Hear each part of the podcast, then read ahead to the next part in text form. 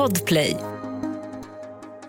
Välkomna till krimpoddarnas krimpodd Över min döda kropp med mig, Anna Jinghede och... Lena Ljungdahl. Oh, du säger det med sån ackuratess.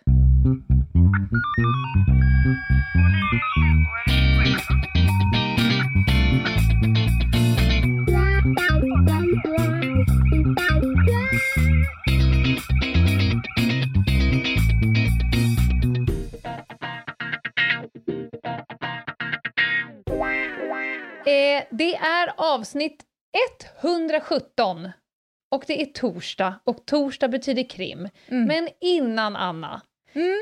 topplocket gick på Ljungdahl här för en stund sedan när jag var ute på Instagram och scrollade runt. Och jag trodde du skulle säga när jag var ute och gick in i en avspärrning eller någonting. Nej! ja, det topplocket går varje dag jag går till garaget. Nej, men nu har jag eh, nosat upp ett fenomen som du kommer eh, inte heller uppskatta. Nähä. Runt om på olika medier som riktar sig kanske lite mer åt personer med lite mindre eh, utvecklad frontallob än oss andra, det vill säga barn, ungdomar. Mm. Till exempel på TikTok och Snapchat. Nej, då har någon jävel någonstans i världen bestämt att den 15 april, Anna, det är en högtidsdag. Vet du vad som händer då? Nej. Det Nej. är den stora tafsdagen. Då ska man Va? tafsa på folk. Ursäkta, Eh, ja.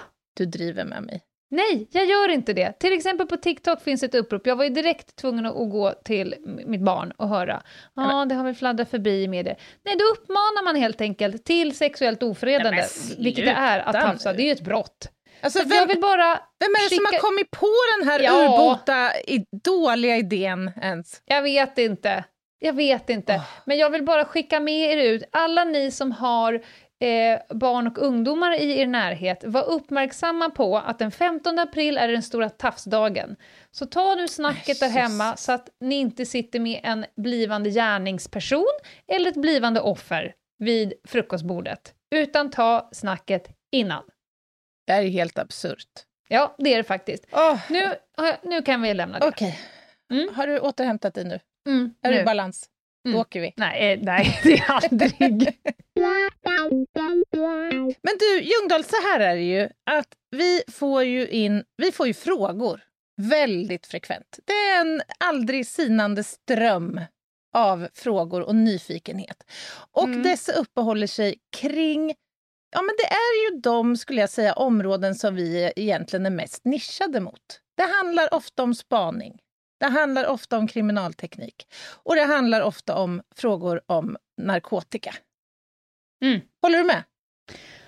Jag håller med. Och jag tror att frågorna har det temat, dels för att vi nischade på det, men också för att det är liksom tre jävligt mytomspunna eh, ämnen. Mm. Om du tänker på alla filmer och krimserier och dokumentärer och så vidare Mm. som är åt det hållet, så är det ju väldigt gärna lite eh, crime scene och lite surveillance och and, and the drugs. Surveillance. Yes. Ja, men du har rätt. Men alltså, jag blir lite fundersam här. För att Mm. alltså, ibland får jag höra så här, men är det inte risky att sitta och berätta om kriminalteknik eller Mhm. narkotika? Ja, men så här. Och då, då brukar jag säga nej, därför att det vi pratar om är ju information som är tillgänglig i väldigt många olika forum. Mm. Allt ifrån domar till läroböcker till artiklar till you name it. Men vad, vad var farhågan här? Ja, men att du... Nej, men jag, jag tror att det kan finnas en farhåga att man ska avslöja känsliga Jaha. saker. Det skulle Ja. vi aldrig göra, så att säga. Eh, nej. Och den där frågan har jag fått också gällande spaning. Är Mm. inte själva grejen med spaning att det ska vara hemligt? Jo, jo, men folk vet ju att det pågår spaning. Mm. Alltså spaningsrotel är ingen hemlighet att den finns. Jag hade ju hellre eh, dragit taggtråd rakt igenom min kropp än att säga någonting som Mm. kan göra det värre för spadade inom Ja, Polismyndigheten. Men det är väl ganska självklart. Men, men, men Ja. jag blir ändå lite fundersam då. Varför läser inte folk på om detta? Om det nu är områden som är så oerhört intressanta och kittlande för så många. Varför läser man Mm. inte, varför köper man inte en bok om det här och läser på lite? Därför att det är roligare att lyssna på en podd med två experter som snackar om det. är det så? Ja, Okej då. Ja, men då får vi väl hjälpa de här eh, ja. lyssnarna nu då, som har frågor. Hur börjar vi? Ja, men vi har ju buntat ihop frågorna i tre små eh, brokiga buketter. Vi har kriminaltekniksbuketten, vi har spaningsbuketten och vi har knark. Ja. Så vi plockar eh, som de här Keino-kulorna. Man rasslar runt, oh. drar upp en kula. Och det är som en vi... tombola. En tombola. Ja. Jag tycker att vi ställer första frågan till kriminaltekniker Anna Jinghede och den låter så här. Mm -hmm. Ja, den här. Det kanske är din, dagens svåraste fråga. Oj. Startar balsameringen av en gravt alkoholiserad person snabbare? Jag förstår knappt frågan, kan jag säga. Start startar balsam... Alltså konserveringen av en avliden människa pratar vi om här. Alltså balsameringen syftar ju till att få förruttnelsen att upphöra och jag gissar att frågeställaren är lite inne på det här att balsamering kan ju ske på olika sätt. Eh, mm. Eh, antingen med formalin eller med etanol. Och det man gör är ju att pumpa in då den här vätskan genom en ven på den avlidne och då bromsas förruttnelseprocessen upp. Jaha, och personen kan... tänker att venerna är redan fulla av alkohol? Precis, kan det vara så? Men... Nej, jag vet inte. Men svar, det enkla svaret på frågan är ju nej. Alltså, kärlen måste ju fyllas med etanol. Ja. Och det finns rimligen inte så mycket alkohol i, i kärlsystemet hos en avliden människa som har dött det är inte i liksom en, tillstånd. Nej, bara för att man är alkoholist är det inte en mättad lösning på alkohol konstant i kroppen. Nej, nej det är ju inte det faktiskt. Så att eh, förutom, är nej. Förutom eh, på Youtube-klipp när man ser ryssar som ska dyka fast det är is, men det ska vara... De tror att det är flytande vatten, men de dyker ner i is. Ja, där har balsameringen börjat för länge sedan. Ja, den är, den är redan igång. Ja. ja. Aha, ska jag ställa en fråga till dig nu då, tycker du? Det kan du göra om du vill. Ja. Då hugger jag till med den här frågan om spaning. Vilken är din konstigaste spanklädsel? Kan du svara på den här frågan, Lena? Eh, det, det torde vara Lisebergskaninen. ja. ja, den är ganska konstig. Det, ja. Men den är inte så obekväm. Alltså, det, det, feeling hot, hot, hot, kan man säga. Ja. Men eh, badkläder är jävligt eh, avigt att spana i. Man känner sig ganska exponerad. Ja, speciellt på en golfbana. ja, men då får du ge mig att det inte är särskilt polisiärt att hasa runt i bikini på golfbana. Nej. Det är fan Nej. det sista de kommer tänka. Ja, helt ja. rätt. Och sen har jag väl haft på mig i princip varenda arbetsuniform man kan tänka sig. Jag har varit diskplockare på Spybar, jag har eh, putsat bensintankarna på Shell, jag har varit gatusopare och allt däremellan. Men alltså nu är jag, jag har ju väldigt låg insyn i spaningsverksamhet, men, mm. men jag föreställer mig ju då att om man nu kör Lisebergskanin-outfiten ja. för dagen, då är man ju lite begränsad trots allt. För det är ju trist om objektet lämnar Liseberg, tänker ja, jag. Jo, du har absolut en poäng där. Eh, det är, den är liksom, man behöver placera sig både i tid och plats för att den ska yeah. funka. Eh, men, men när man gör det, då är den ganska bra. Då är det home safe. Ja. ja. ja. Bra svar. Eh, ska vi ta en knarkfråga? För nu blir det lite hopp här, så ni får helt enkelt haka med. Men den mm. här är ju intressant, för att den är ju... Eh, alltså, att smuggla knark i husdjurs tarmar. Har du någonsin träffat på ett sånt ärende? Va? Att du ska smuggla in knark i landet och du vill inte svälja ner det själv. Har du, har du hört om ett ärende där man har tryckt ner, liksom, som om jag skulle stuva ner ett halvt kilo heroin i Doris mage? Ja, men det är det sjukaste jag har hört. Gör människor sånt här?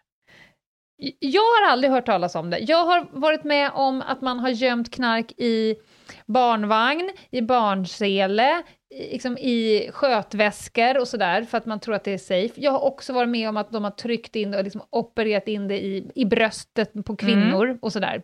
Men mm. husdjur har jag nog faktiskt, nej, det har jag aldrig hört kan jag säga. Nej, inte jag heller faktiskt. Med det sagt kan vi vara helt säkra på att det har hänt. Ja, För människan är ju ett as.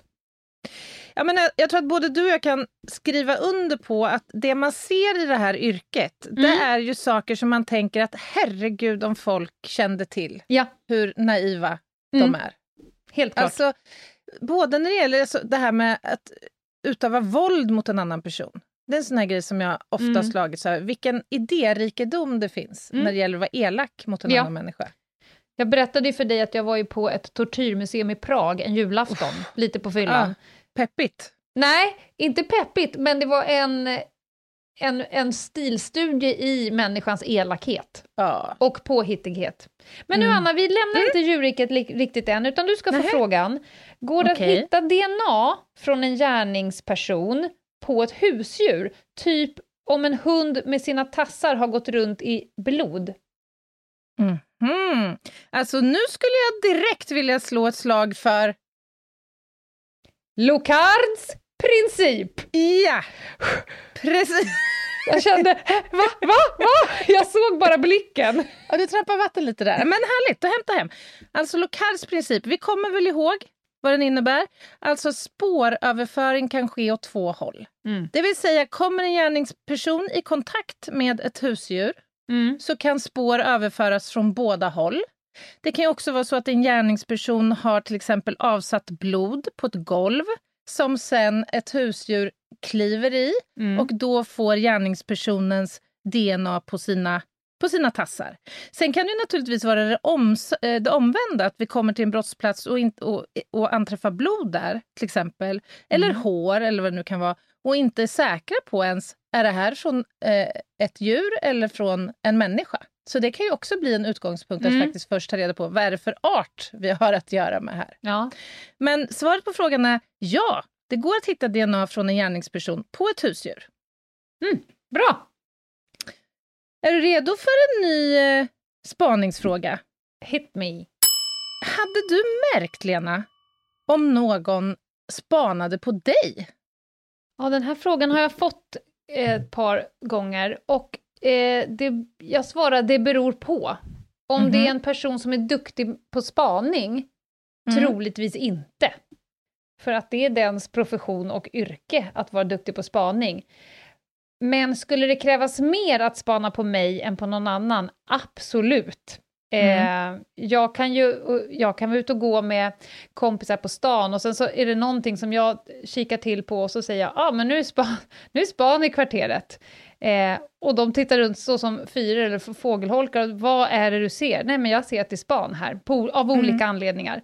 Så att det skulle krävas mer, men självklart så skulle ju någon lyckas spana på mig om det var någon som var duktig på, på spaning. Mm. Eh, jag brukar också få frågan, eh, tvärtom. Alltså är det någon som har upptäckt mig när jag har spanat på dem?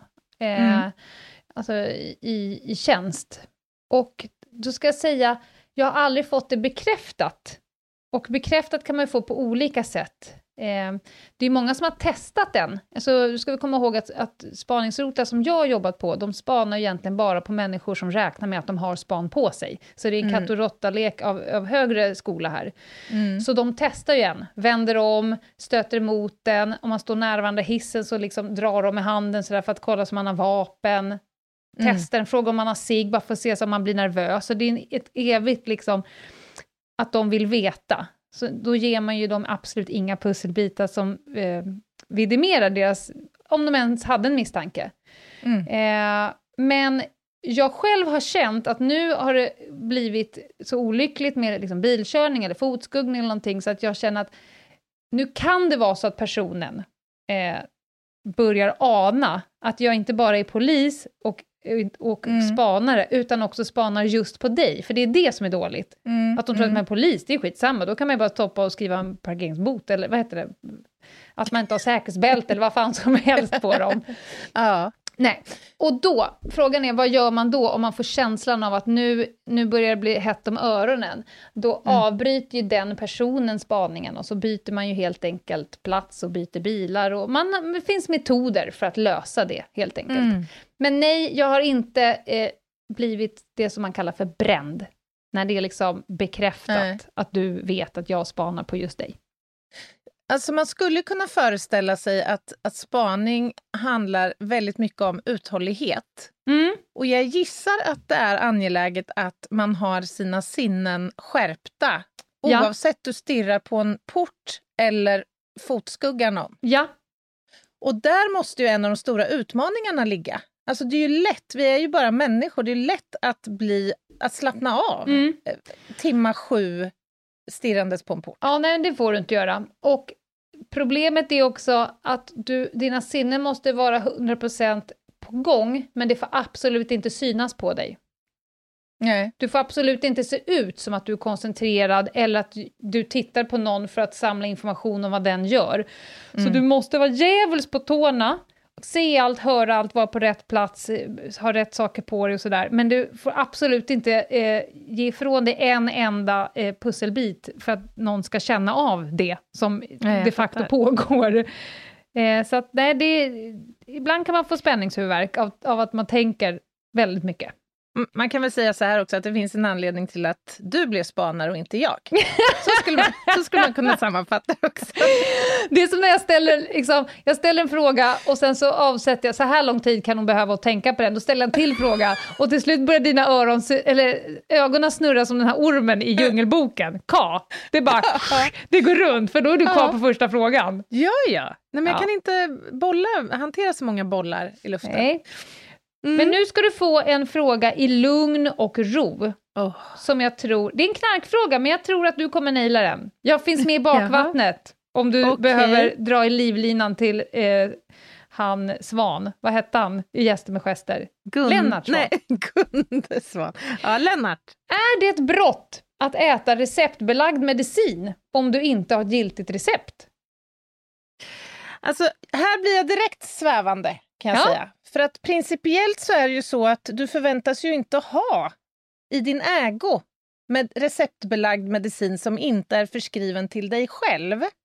Men jag tror att de flesta kan relatera till att man har fått det där ryggskottet och grannen har stuckit till dig en, vad det nu kan vara, något bra potent smärtstillande så att du ska klara det över natten. Och det skulle man ju naturligtvis inte lag eller straffas för.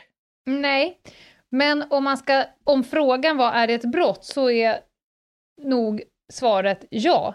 Alltså Ja. det är därför att det är därför eh, läkemedel är narkotikaklassad.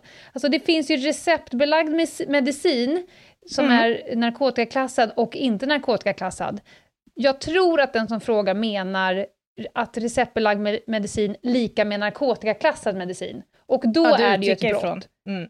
För Ja. då, då gör du dig skyldig till eget bruk. Ringa narkotikabrott genom eget bruk. Mm. Det finns massa toppenmediciner som är narkotikaklassade och som är jättebra att folk får eh, förskrivet av en läkare. De Mm. ska man inte äta om man inte har fått recept, för då gör man sig skyldig till ett brott. Mm. Sen finns det andra läkemedel som också är receptbelagda, men som inte går under eh, paraplyet för narkotikabrott. Nej men precis, Mm. och är de inte receptbelagda då kan ju var en och en också Ja. införskaffa dem. Då På... kan du snorta deodorant apotek. bäst fan du vill.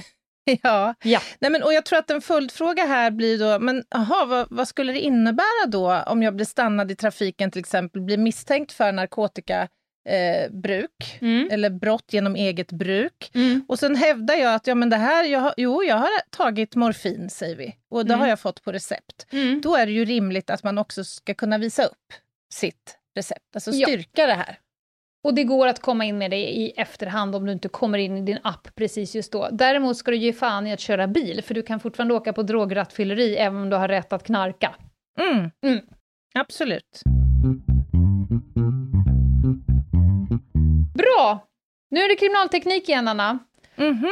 Nu ska du få frågan, har du några tips till oss som jobbar i vården som gäller Alltså, hur kan vi förbättra vårt jobb gällande spårsäkring till exempel? Frågar Mhm. någon som är sjuksyra på gyn. Oj, vilken jättebra fråga. Ja, Alltså, det här är ju ett område som ligger mig extremt varmt om hjärtat. Jag ska försöka fatta mig kort här nu när jag svarar på frågan. vad heter området?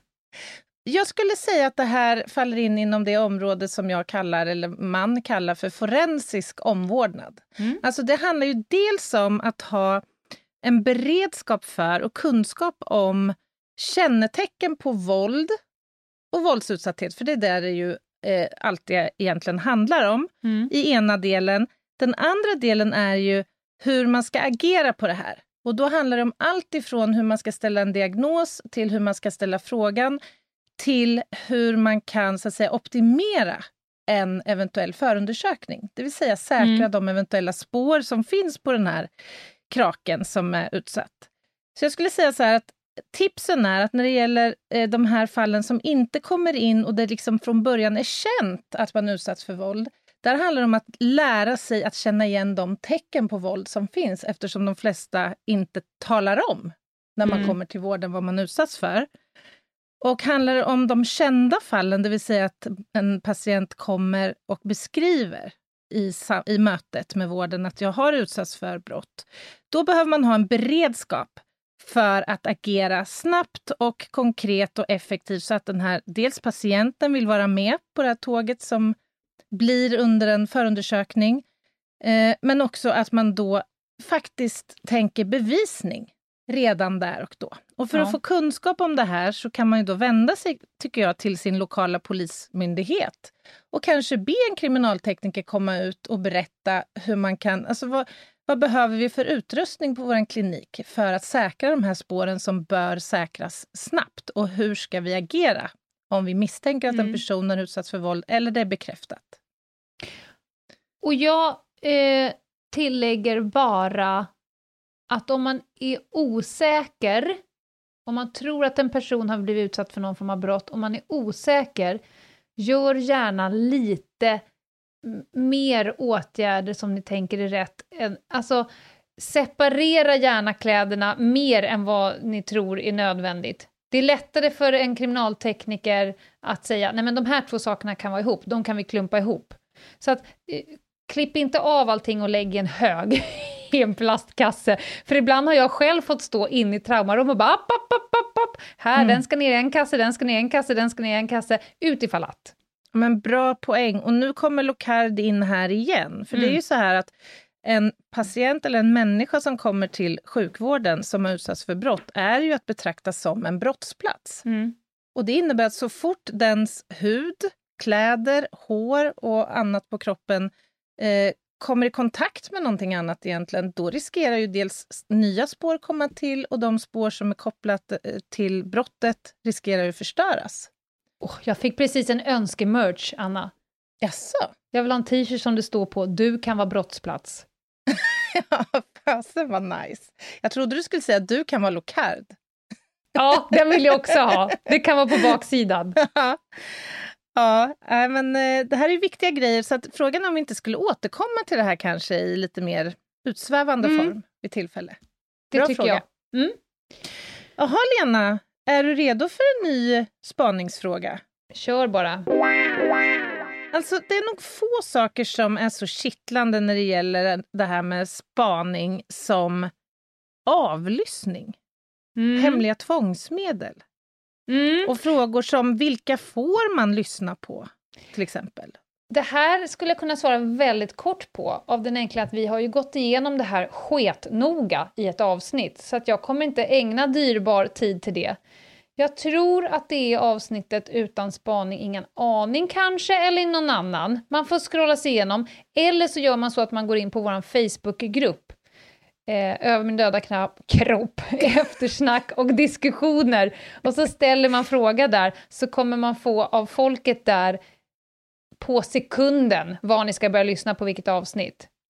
Vägledning. För det är, Mm. det är ingen idé att jag går igenom det här. Eh, men där, där pratar vi både om hur det fungerar och vilka man får lyssna på och varför och så vidare. och så vidare. Mm. Jag duckar den här.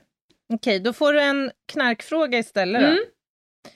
Vilken är den smartaste knarkgömman du har hittat eller möjligen hört talas om? Finns det något riktigt, riktigt sjukt ställe du har hittat knark på? Alltså man blir ju störd efter ett tag. Sånt som kanske för andra är så här sjukt fiffigt. Men när man har sett fyra såna, eh, allt från att man monterar om en hel bensintank eh, så att det bara går i 50 liters bensin Mm. istället för 60, till att bygga om instrumentbrädor. Ute i skogen har jag sett ganska avancerade gömmor. Mm. Eh, den sjukaste, det är väl hon som grävde ner tjacket i, i morsans På grav. kyrkogården. Ja. På kyrkogården. Det, det, det är en sån där som man bara, går de, går de hela vägen dit? Ja, Ja. det gör de. Men alltså det är så många dimensioner i det där tycker jag. Ja, faktiskt. Det säger ju ganska mycket om motivationen hos de här människorna, Ja. kan man säga. ja. Och, och i det här fallet så var det så pass stört även i vår professions världsbild, Mm. så att vi trodde lite för länge, men vad fan vad hon planterar om de här blommorna. Mm. Innan det bara, ah, ah okej, Mm. ah, okej, nu, nu blir det till att rigga kameror och hela faderullan. Men du, du vet ju att jag har ju varit sjukskriven en stund. Och Mm. jag, har, jag har plöjt ganska mycket dåligt på tv. Jag har sett en del, en del skit. Under, Lågvattenmärkena Ja, har duggat tätt. det får jag nog ändå säga. Och då är det många såna här border control eh, Ja. program som man susar förbi. Mm. Det tycker jag ändå har något. Alltså det är lite kittlande ändå att se Mm. kreativiteten hos människor. Ja, visst. Och jag måste säga att jag sitter ibland och gapar åt kreativiteten. Det är liksom Mm. allt ifrån isärskruvade små ja, iPads med cash Ja, och knark till... Alltså det, det är... I hjulen på en rullväska. Ja, Mm. ja, exakt. Ja, eh, det, det är fiffighet på en hög nivå.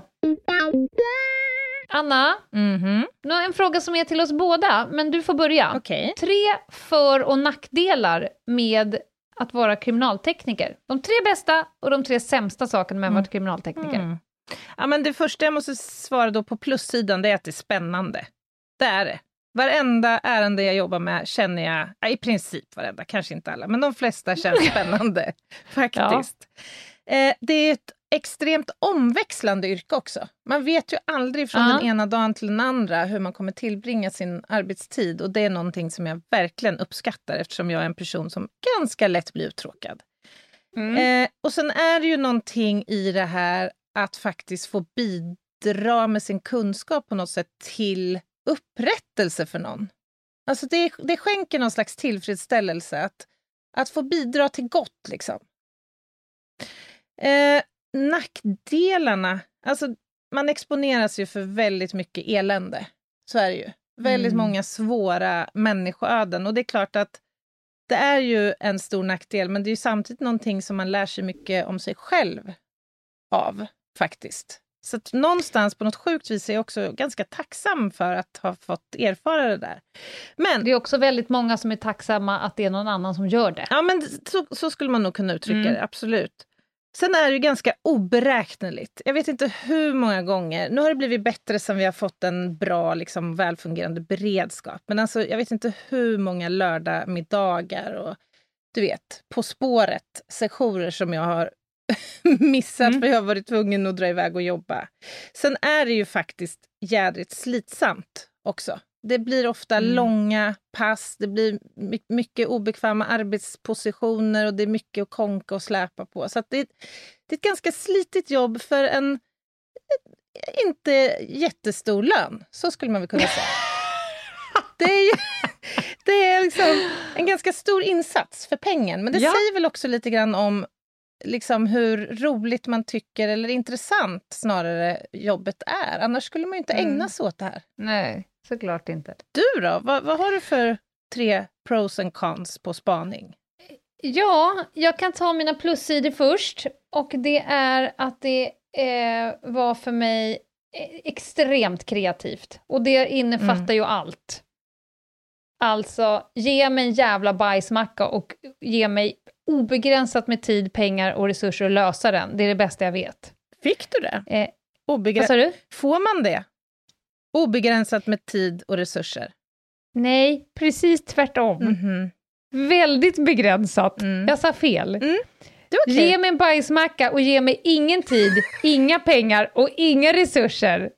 Det är då jag går igång. Jag förstår. Mm. Det var uppmärksamt av Mm. dig. Eh, och två andra pros, de hänger ihop. Det är att man får köra jävligt mycket bil Ja, det gillar ju du. och att man slipper ha någon annan i bil.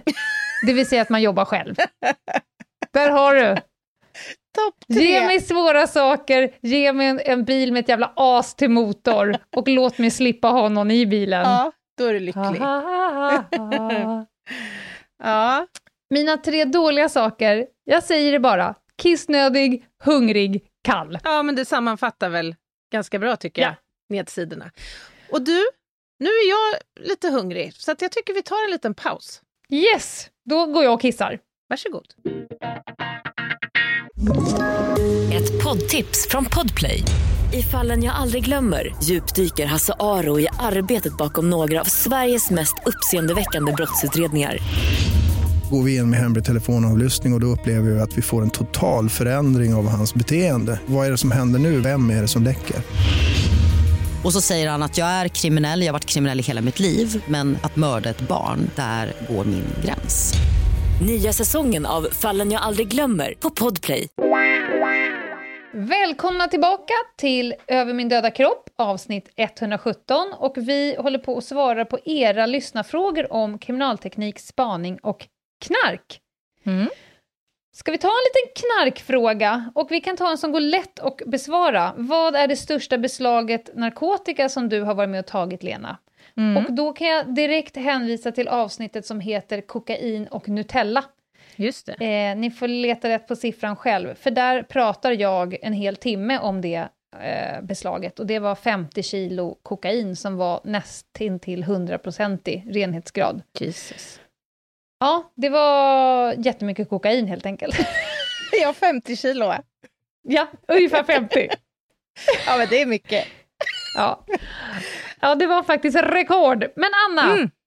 nu du, ska du få en fråga. Mm -hmm. Hur skulle du begå mord för att lämna så lite kriminaltekniska spår som möjligt? Ja, det skulle du gärna vilja veta, va? Ja, gissa vad svaret kommer bli. Nej, men alltså, jag har ju naturligtvis eh, mina idéer och tankar kring, kring detta, även om jag på intet sätt har avsett för avsikt att ha ihjäl någon. Men det här är en typisk sån fråga som jag inte kommer besvara ja, i det här forumet. Såklart. Kan jag inte få en annan Helt... fråga? Du kan få en annan fråga. Då får du frågan, vilket är ditt mest använda redskap som kriminaltekniker? Ja, men det är lätt. Det är kameran. Stillbild eller film? Stillbild, mest. Mm. Du gör ju egentligen ingenting utan att eh, inte först dokumentera det. Nej, nej, men precis. På andra plats kommer förmodligen latexhandsken. men du då, som spanare, va, va, vilket är det mest eh, värdefulla redskapet där? Bil, ja, just det. Eh, videokamera. För sig, bil är ganska bra för en kriminaltekniker också, för ja. det, är, det är trist liksom, om man inte Jävligt kommer byltigt till, för dig. Om man inte kommer till brottsplatsen. Nej men annars är samma svar. Alltså videokamera och det är ju faktiskt så att både skråt, kriminalteknik och spaning, inget av det gör man ju för, bara för sitt eget jävla eh, intresses skull. Jo. Utan, ja, jo jo, men Nej, det är också toppen om saker och ting dokumenteras. Mm. Ja, du menar så. Ja, eh, för det är så fruktansvärt mumma i rätten att få se rörlig bild. Det går ju inte att snudd på att snacka sig ur en rörlig sekvens där jag filmar dig när du gör något. Nej, men verkligen. Det är svårt att hävda att det gick inte till så där. Ja, och, och vi har ju pratat lite om det här tidigare, men dokumentationen inom båda de här inriktningarna är ju, ja den är liksom ovärderlig och jag kommer på mig mm. själv ibland, jag tycker att jag har tagit, alltså jag, jag, kan ha tagit 2000 bilder på en plats. Jag tänker, jag mm. tar en till, jag flyttar mig två centimeter till höger så smäller jag av två till här. Mm. Det är lika bra. Och ändå kan det vara en bild jag tycker att jag inte har fått. Exakt. Ja. Håller helt med. Mm. Alltså att filma, filma, filma, filma, helt förutsättningslöst. Mm. Man tycker man dunkar in miljarder med timmar film. Mm. Och ändå så kommer utredaren efteråt och bara, det hade varit guld om vi hade kunnat få en film när han någon gång hade gått till båten eller från mm. båten. Eller man bara, ja. Mm. Det duger inte med de 60 000 timmar film du har på den här personen. Det var så att det är ju bara att dunka in skiten så mycket det bara går. Ja. Mm. Och lite på samma tema då, en fråga till dig eh, rörande dröm, liksom, redskap eller instrument. Eller, finns det något som, som du skulle tycka vore bra för spaningsverksamhet? För mig hade det varit toppen och underlättat skitmycket om det det finns teknisk lösning, men man får inte arbeta på det sättet. Så det här handlar mer om lagmässigt. En önskedröm hade ju varit om man snabbt bara kunde sätta en GPS-sändare på en person. Mm. Så en osynlig liten skit som jag bara kan gå dit, stryka någon på ryggen och från och med den sekunden så vet jag exakt vad du är hela tiden. För det gör ju att jag själv inte behöver exponera mig Just det. Alltid. Som ett litet damm utan jag kan bara. dyka upp på olika platser och filma Ja. när det blir intressant. Det hade ju varit ett drömscenario. Som ett litet angel dust bara, eller någonting som du bara Exakt. strösslar lite på, på ryggen. Exakt. Ja. Mm. Ja, Nu är du min, Ja. säger jag, viskar jag. Och sen går jag. Som en jävligt läskig människa bara. Låter ju som en kanongrej verkligen. Ja, själv då? Oj, nej, det, det är mer robusta grejer jag efterlyser Okej. i min tillvaro. Alltså, jag skulle ju gärna ha en portabel röntgenutrustning. Alltså idén finns ju. Det här är ju inte Mm. liksom raketforskning längre med röntgen. Men alltså ha en sån för fältbruk. Det här att kunna hitta dolda utrymmen till exempel, kunna röntga Mm. genom ja, men, här man öppnar motorhuven på en ovanlig typ av bil som man inte liksom lätt Mm. orienterar sig i och vet vad allt är. Och man Du skulle ju ha ett par fiffiga goggles som du sätter på dig och helt plötsligt får röntgensyn. Ja, det... det- är ju det du pratar om. Det hade ju varit drömmen. På med ett par snygga jävla Dame Edna-briller Ja. och som gör att du bara pip, pip, pip, pip, pip, ser alltihopa. Ja. ja, där har du något. Då kan du säga till kollegan så här, ja, så, så är det att du käkade tacos igår.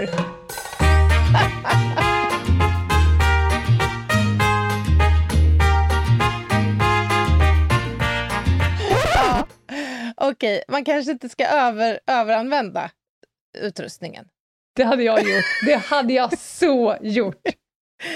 Men du Lena, eh, Ja? vi har också fått en hel del frågor efter att du var med i podden Skyldig. Mm. Ni hade ju ganska skönt tugg där och då, då berättade du om eh, hur du som spanare, eller jag vet inte om du pratar om det i generella termen, men det här att spanare kan behöva maskera sig i rätten. Ja då. ja, men det sa jag att jag själv hade gjort. Ja, så var det. Men är det okej att göra det? Får man Mm. göra det? Undrar. Ja, det får man.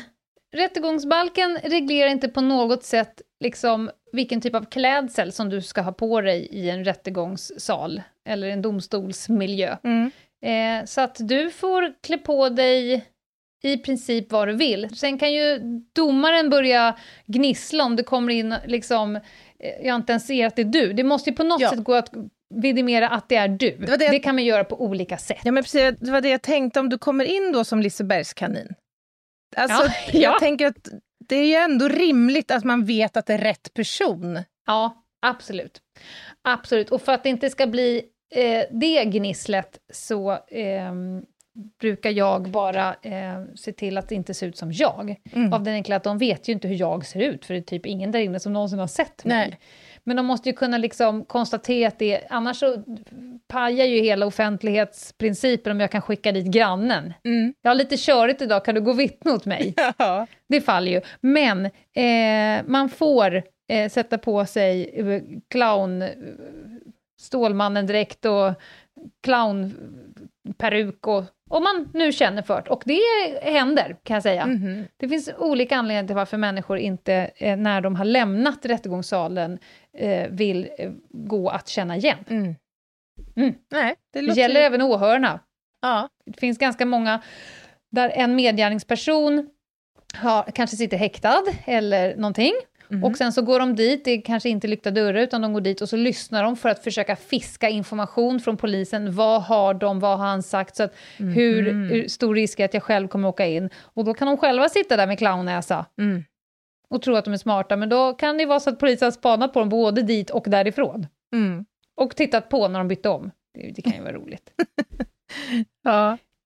Ska vi dra till med en knarkfråga? ja, det tycker jag. Den här får du. Mhm. Anna, Mm. Vad är din inställning till droger? Oj. är det en snabb, snabb fråga? Ja. ja. Nej, men jag är anti-droger. Det tror jag har framgått i podden. Mm.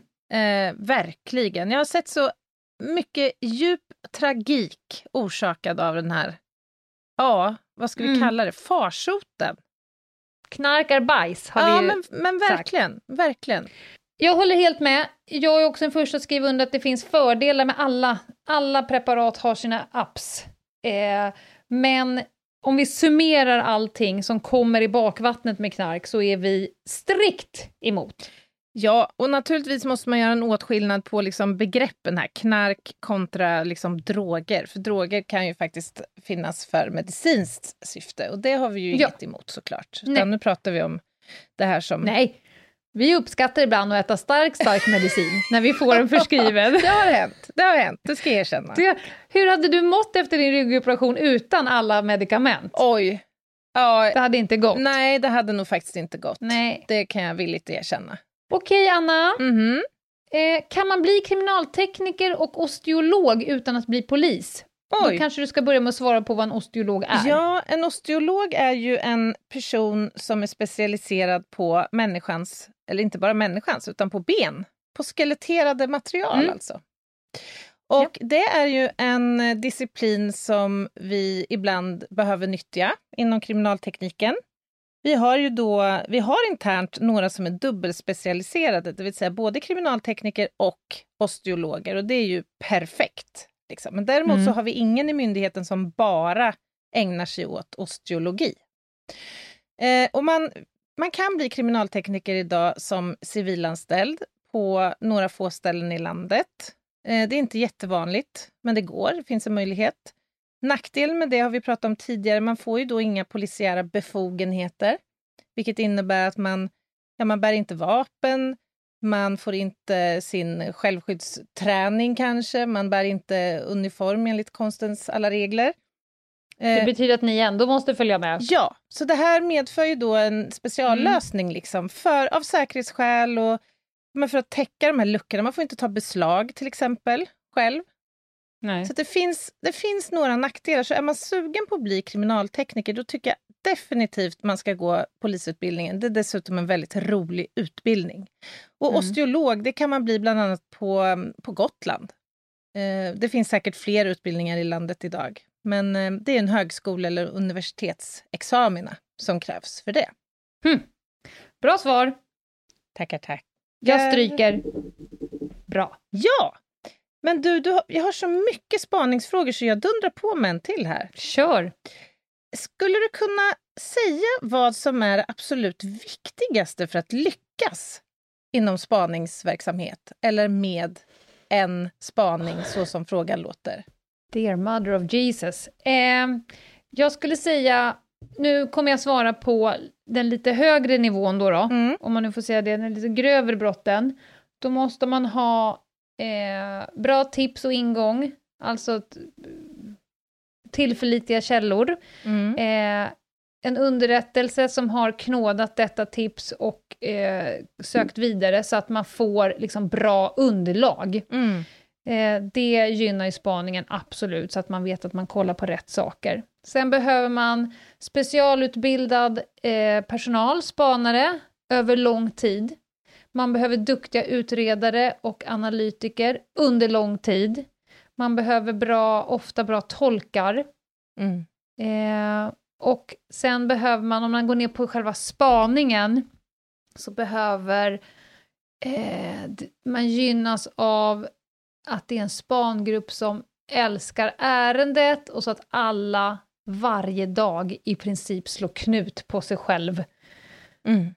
Det är alltid så att det blir precis tvärtom vad man har tänkt. Mm. Står jag på en plats och bara nu står jag perfekt när han kommer ut och så kan du ge dig fan på att han kommer ut åt andra hållet. Så Ja. du får springa 12 kvarter samtidigt som du ska göra om det från Lisebergs kanin till polsk las- lastbilschaufför. och när, när du kommer in efter dagens pass så finns det ingen som vet att du har gjort det här. Nej. Du får, inga, du får, du får inte ha något behov av, av liksom bekräftelse eller tack, utan det Ja, är bara just att slå knut på dig själv så mycket du bara kan Mm. under så lång tid du kan, så kommer spaningarna lyckas. Om du skulle lyfta fram specifikt en personlig egenskap då, som, som är den viktigaste? Det finns så många olika roller inom en spaningsgrupp. Vi har de som jobbar mycket med teknik, vi har de som, sådana som jag som var extremt långt fram, alltså tänk att sitta nästan i knät på den man spanar mot. En sån som mig, min bästa egenskap, tror jag, det var en räv bakom örat och en iskall kyla i kombination. Mm. Mm, jag förstår. Eh, fräckheten och kylan i kombination, utan det så hade jag varit ganska dålig på mitt jobb. Sen finns det spanare som står för de här enorma uthållighetsprövningarna, mm. som kan sitta fan i bivack i sex veckor. Mm. Eh, men den absolut främsta egenskapen, det är nog att man ska tycka att det är skitkul. Mm. För att uthärda helt enkelt det som händer. ja, men det låter ja. rätt rimligt. Vilken bra fråga. Ja, verkligen. Verkligen. Mm. Eh, ska vi se, knark. Jag har en fråga här, men den kommer eh, få bli ett eget avsnitt. Det är en som har frågat här. Vad ser man för tecken på en drogpåverkad person? Finns det specifika tecken för särskilda droger och så vidare? Mm. Det här kan vi prata om i sex veckor ungefär. ja, Allt verkligen. från pupiller till muntorrhet, till puls och till eh, vad som händer i hjärnan med fingrarna och vilka droger som ger vilka tecken. Ja. Det får bli ett eget avsnitt. Det tycker jag. Det kör vi på. Det blir ett roligt avsnitt framförallt. Mm. Anna, nu kommer du få två frågor i en smäll. Ja. För du har fått frågorna både vilken spårsäkring är du som mest nöjd med och har du någon gång lyckats tabba dig rejält och förstört spår? Mm. Mm. Din bästa och din sämsta dag på jobbet när det kommer till spårsäkring, vill jag höra. Jag tror jag förstår. Alltså, den spårsäkring jag är mest nöjd med, alltså det måste ju vara de här gångerna när man liksom har, när det är en one shot. Jag vet mm. att när jag försöker processa det här spåret, då har jag liksom ett försök på mig. Eh, och, Säg ett sånt exempel. Ja, det kan vara ett eh, fingeravtryck som sitter på en svår yta, liksom, att dokumentera bra med foto. Och där mm. man får satsa på att dokumentera så gott det går, liksom, men också försöka att lyfta med sig spåret. Alltså, och det bara finns ett? Ja, det finns kanske mm. bara ett som, som, som man tänker då skulle kunna förklara ganska mycket. Då, då, mm. alltså det där görs ju inte med lätta, liksom, utan det är ju en del där på handen ibland då, såklart. Eh, ja, men, eller annars, liksom, om man hittar just den där detaljen i ett myller av liksom, information på en plats som mm. spontant känns väldigt viktig. Det är klart att då mår man ju lite extra bra just den dagen. Såklart. Och tabba mig rejält. Alltså jag kan inte... Alltså det är klart att jag har förstört spår utan att veta om det, höll jag på att säga. Jag menar, mycket av de spår som finns på en plats är ju faktiskt inte synliga. Eh, och vi gör ju en avvägning från fall till fall var vi ska sätta ner fötterna och hur vi ska röra oss för att inte förstöra viktiga spår. Men det har säkert hänt att vi har dabbat oss eller tabbat oss. Ja, men det är såklart. Mm. Det är ungefär som att ställa en fråga till någon som letar efter knark. Eh, har du någon gång missat knark? Ja, ja, ja. Kilovis, bara att jag vet ju inte om det. nej, nej, men exakt. Nej. Men jag har faktiskt inte det låter kanske konstigt, men jag kan inte plocka upp något konkret exempel när jag liksom har tabbat Nej. mig. Faktiskt. Jag tror så här att jag vet ja. kollegor där det alltså exempel på när det har hänt naturligtvis. Men jag tror att det händer oftast kanske de som inte är så eftertänksamma. Alltså det handlar om att inte forcera, inte ha för bråttom, tänka efter före. Och jag är ju lite sävlig av mig, som du vet. Jag tar...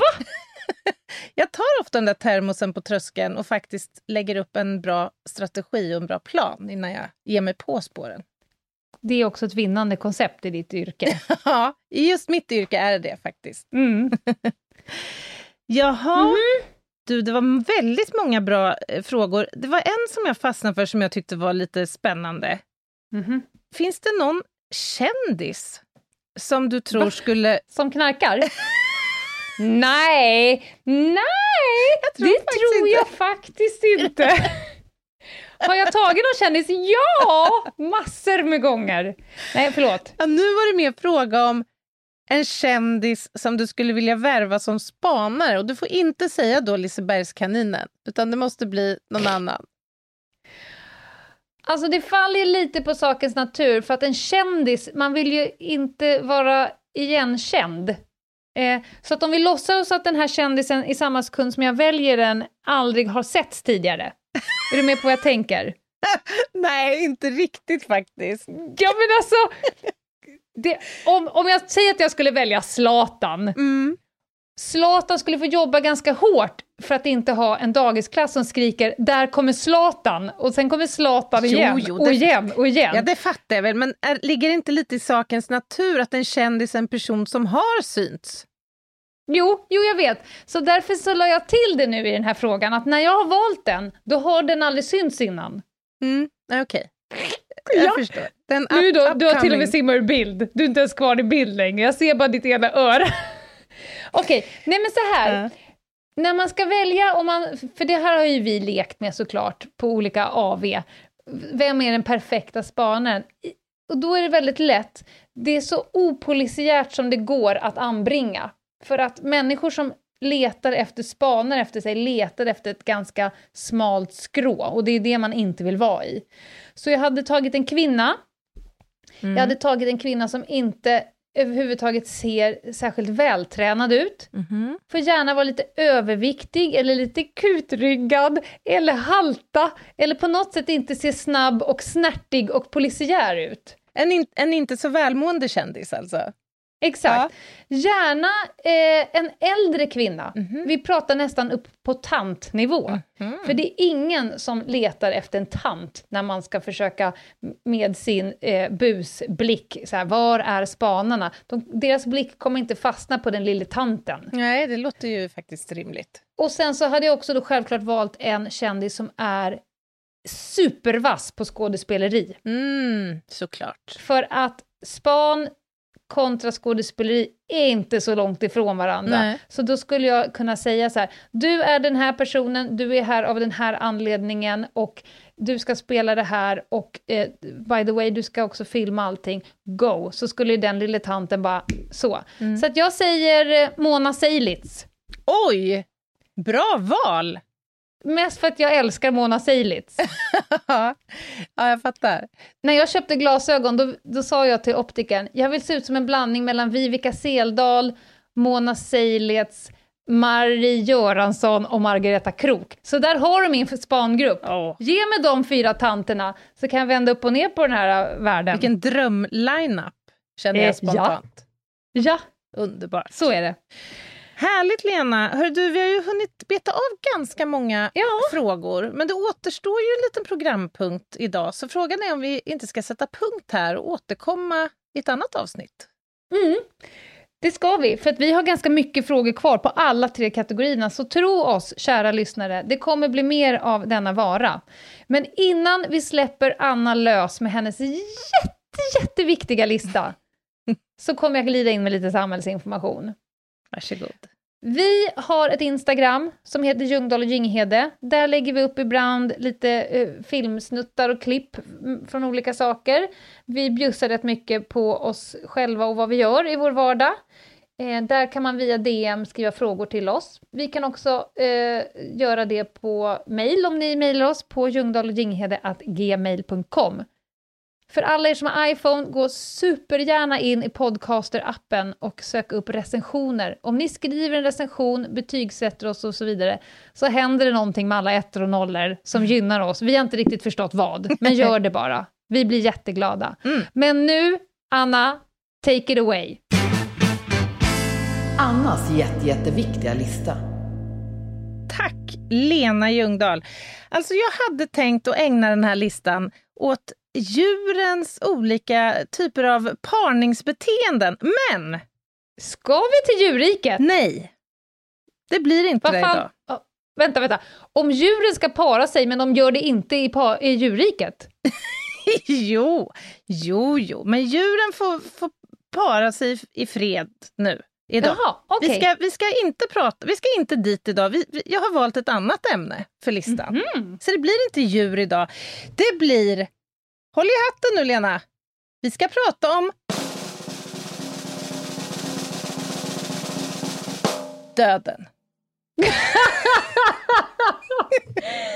Alltså jag har aldrig mer träffat en så förutsägbar person. Har du bara två, liksom? Jag är gans- Du växlar Jag däremellan. är ganska smal eh, här när det gäller mitt listmaterial. Eh, Men, men jag, Å andra sidan älskar jag dig när du pratar om döden, för du får ett ganska eh, creepy skimmer över dig. Är det så? Ja, men det här är något Ja. som jag gärna hemfaller åt. Alltså, Jag lutar mig tillbaks. Gör det. Jo, jag skulle vilja att vi pratar lite grann om döden idag. Vi vet ju alla att det här kommer att ske en dag.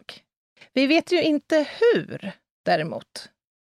Eh. I vår del av världen så är det ju hjärt-kärlsjukdomar som, som är den vanligaste liksom, naturliga dödsorsaken, om man säger så. Men det finns alltså några exempel från historien på smått osannolika sätt att också få kliva ut på regnbågsbron. Brån också! Okej. Regnbågsbron på.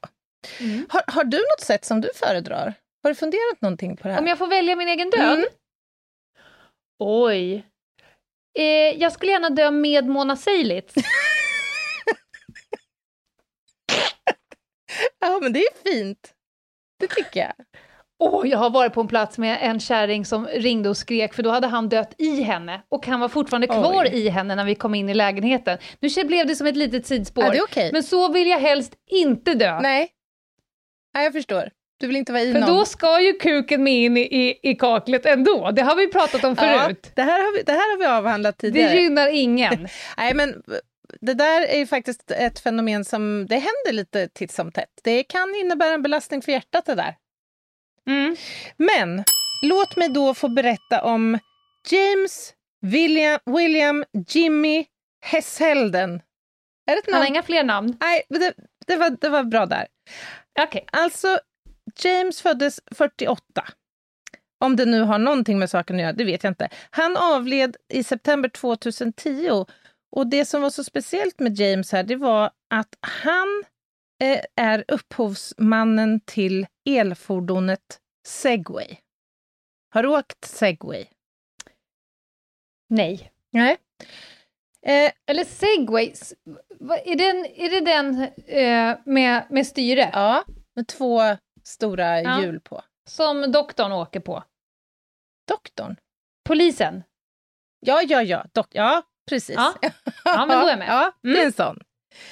Alltså den här stackars James har sån fruktansvärt sån, sån otur alltså. Han uppfinner då segwayen. Han gör sig en förmögenhet på den här uppfinningen.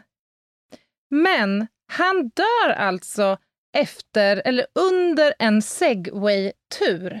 Han, han kör rätt ut för en klippa och dör. Är det inte... Men glömde han uppfinna bromsen? Ja, men alltså, är det inte ett ödets ironi verkligen? Jag, jag vet inte. Det sägs att han lär ha väjt för någon, om det var en bil eller cyklist eller någonting, och sen då tappat kontrollen på något sätt över den här farkosten och alltså dör efter att köra ut för ett stup. Vilket stup. Ja, det här är deppigt alltså. Men det, eh, det finns väl ett, ett par personer sådär som har dött på sin... Ungefär, han krokodilmannen, Ja, exakt. han, han blev väl uppkäkad till slut av Nej, någon? jag tror att han, han blev stungen av en sån här eh, rocka. Ja, men något det är slag. ingen skillnad. Nej, principiellt inte kanske. Han var liksom där och, och, och bad om det under tillräckligt lång tid. Ja, men han utmanade ju ödet. Ja. Och det kanske James gjorde här också. Vem vet vilka turer han hade tagit innan han hade fått till sin prototyp. Mm. Mm. Då skulle jag ändå vilja gå vidare nu till plats nummer fyra och berätta om en annan kille som, som kanske inte tänkte hela varvet runt riktigt. För han var också en uppfinnar-Jocke. Och han ville försöka u- ehm, utveckla då en, en slags fallskärm. Eh, Frans Re- Reichelt pratar vi om nu. Han föddes 1879 och dog eh, 1912. Det här är alltså en österrikisk skräddare och fallskärmsdesigner. Och du kanske, du kanske anar vart det barkar hän. Han försökte alltså designa en fallskärmskostym. En sån wingsuit? Ja, någon tidig variant av. Och det här var ju ett, ett ganska gediget arbete. Men han gjorde det i spets. Nej, Det är jättedumt att välja spets. nej, alltså det han, han eh, kom på här var att det skulle finnas med ett, någon form av litet sidenkapell samt en liten, liten mängd gummi.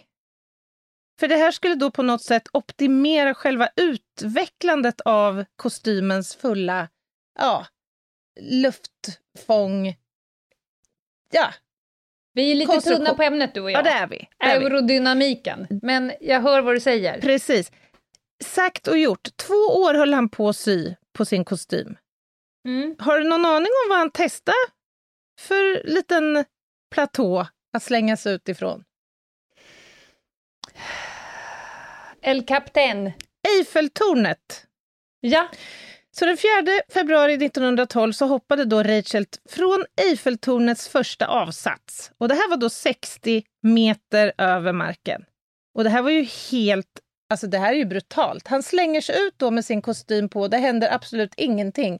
Mer än att han dör efter ett fritt fall i sex- 50 meter eller något. Är det han som den här låten handlar om? Jag Free falling. hoppa. ja, den kan det också vara. Men han, han testade inte lite från en högre, alltså från en lite lägre höjd första gången? Typ ner i plurret från femman? Jag tycker bara att hela idén känns så oerhört ogenomtänkt. ja. Tänk dig själv, han kliver direkt från symaskinen, tar trapporna upp till första platån i Eiffeltornet och hoppar ut med den där på sig. Jag måste ju ha gjort några förtest kan man ju tycka. Mm. Åh, Hur gick det med den lilla gummiproppen? äh, det, det förtäller inte historien. Ja, Okej, okej. Men jag tror du är redo för plats nummer tre, för det finns nämligen grader i det här olyckliga. Ja. Eh, du kan alltså bryta nacken efter att du snubblar på ditt eget skägg. Det här har hänt eh, Hans Steininger och nu är vi på 1500-talet. Han var borgmästare i Branau i Inback. Ja. Eh, han var oerhört populär i sin ehm, roll som borgmästare och han kännetecknades av ett oerhört långt skägg. En och en halv meter långt. ja, det är ett långt Det skägg. är ett långt skägg. Och det här brukar han då på något sätt försöka liksom rulla upp och stoppa in i en ficka på sin kavasch. Men, Ja. Sen bar det sig inte bättre att 28 september 1567 så var det en stor brand som bröt ut i den här lilla byn eller staden. Och han lyckas då på något sätt veckla ut sitt skägg i det här tumultet som uppstår och lyckas då snubbla på sitt eget skägg och bryta nacken. ja, men, jag har så många frågor. Ja, jag förstår det. Men, men jag måste säga så här, det här är nog den punkten jag förstår mest. För du vet, brasilianska jutsu som jag har, jag har rullat runt lite grann. Ja, det har du gjort. och har väldigt långt hår och då är det ett jävla problem om man ska göra av hår så då brukar jag ganska så här, tajta flätor, Ja. en, en tjock fläta för att det inte ska hamna i ögonen på någon. Mm. Om den flätan hamnar under någonting Ah. och sen ett stadigt grepp och sen så gör någon folk en, eller en sån här kastar runt den, då är det fan nära att man bryter nacken kan jag Ja, säga. men faktiskt. Jag förstår inte varför inte alla jujutsare inte är rakade. Nej, jujutsare och borgmästare. Var det det han var? Ja, Ja, han borde också vara rakad. ja det borde han. Okej. Okej, vi beger oss till 1600-talet nu. 1649 närmare bestämt och pratar lite grann om den brittiska officeren Sir Arthur Aston. Mm. Eh, Sir Arthur Aston han var alltså yrkessoldat i hela sitt liv. Eh, och eh, det här gjorde han med den ära. Men han gick ett väldigt tråkigt öde till mötes under det engelska inbördeskriget. Mm. Han hamnade då i någon form av underläge här när viktorianska soldater, eller vad de nu hette, gav sig på honom. Och det var inte så att de använde någon form av tillhygg, eller tillhygge använde de, men inte det man kanske skulle tro. Han blev alltså ihjälslagen med sitt eget träben. Så jävla deppigt slut. Det, det, är som att, det är liksom som att bli mördad på brännbollsplanen, tänker jag. Ja, men faktiskt lite. Och då funderade man ju på varför var det så här? Jo, de trodde alltså att han gömde en massa guldmynt i sitt träben. Så de slet... Är det ett vanligt modus på den tiden? Eh, oklart. Att man hade lönnfack i sina proteser? Frågan man kanske bör ställa sig hur vanligt var det med träben? på den här tiden. Ja. Alltså det skulle vara mycket mer praktiskt att bära omkring på guldmynt i en liten pung, tänker jag, ja.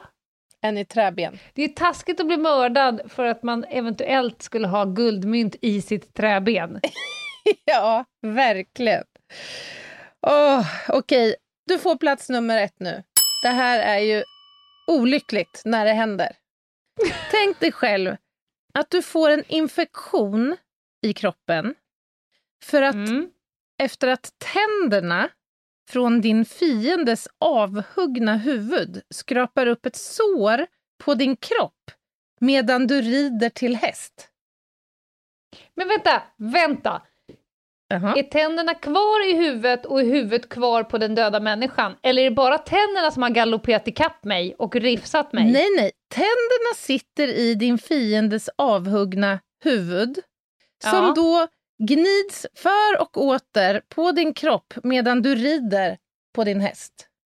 Men hur kan ett avhugget huvud rida ikapp mig och fortsätta skrubba på mig medan jag rider? Alltså, det är inte... Det här går inte ihop. Nej, jag, jag, jag, jag tror jag förstår. Vi får ta det här från början då. Ja. Vi pratar här om Sigurd den... Sigurd... Sigurd den mellersta. Det är den första, den femte, den sjätte och Sigurd den mellersta. Sigurd den mäktige av Orkney. Och det här är Ja. 892, år 892. Så det här hände inte i... Det här kunde man inte läsa om i gårdagens blad om man säger Nej, så. det här, det här Anna, det är jättelänge sedan. Ja. Så här var det. Han satte fast huvudet på sin då besegrade fiende på hästens sadel Mm. och en, en tand i munnen i huvudet var då infekterad. Och den skrapade mot Orkneys ben när han red. Och sen, en kort tid senare, så avled han till följd av den infektion han hade fått.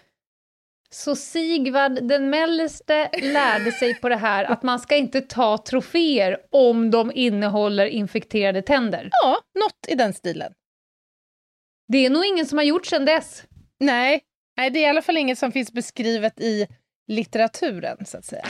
Vad skulle han med huvudet till, tror du? Ja, men det var väl en trofé, antar jag. Han ville väl visa upp, liksom, när han kom tillbaka, att nu har han besegrat sin rival med Och det enda tandlossning. han, han fick visa upp det var ett bitmärke i ljumsken från en rutten Ja. tand. Ett varigt sår.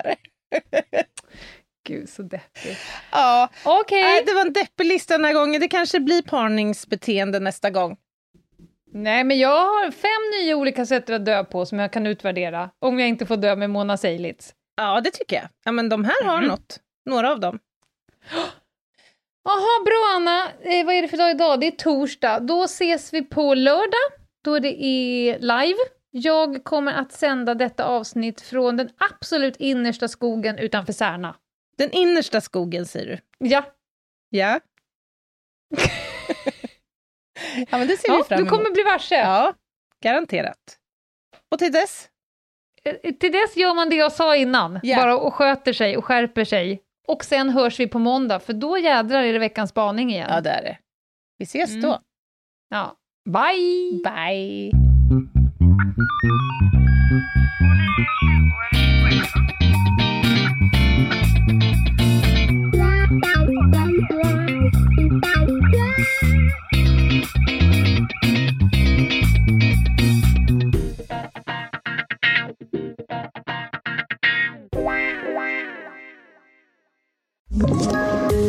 Poddtips från Podplay.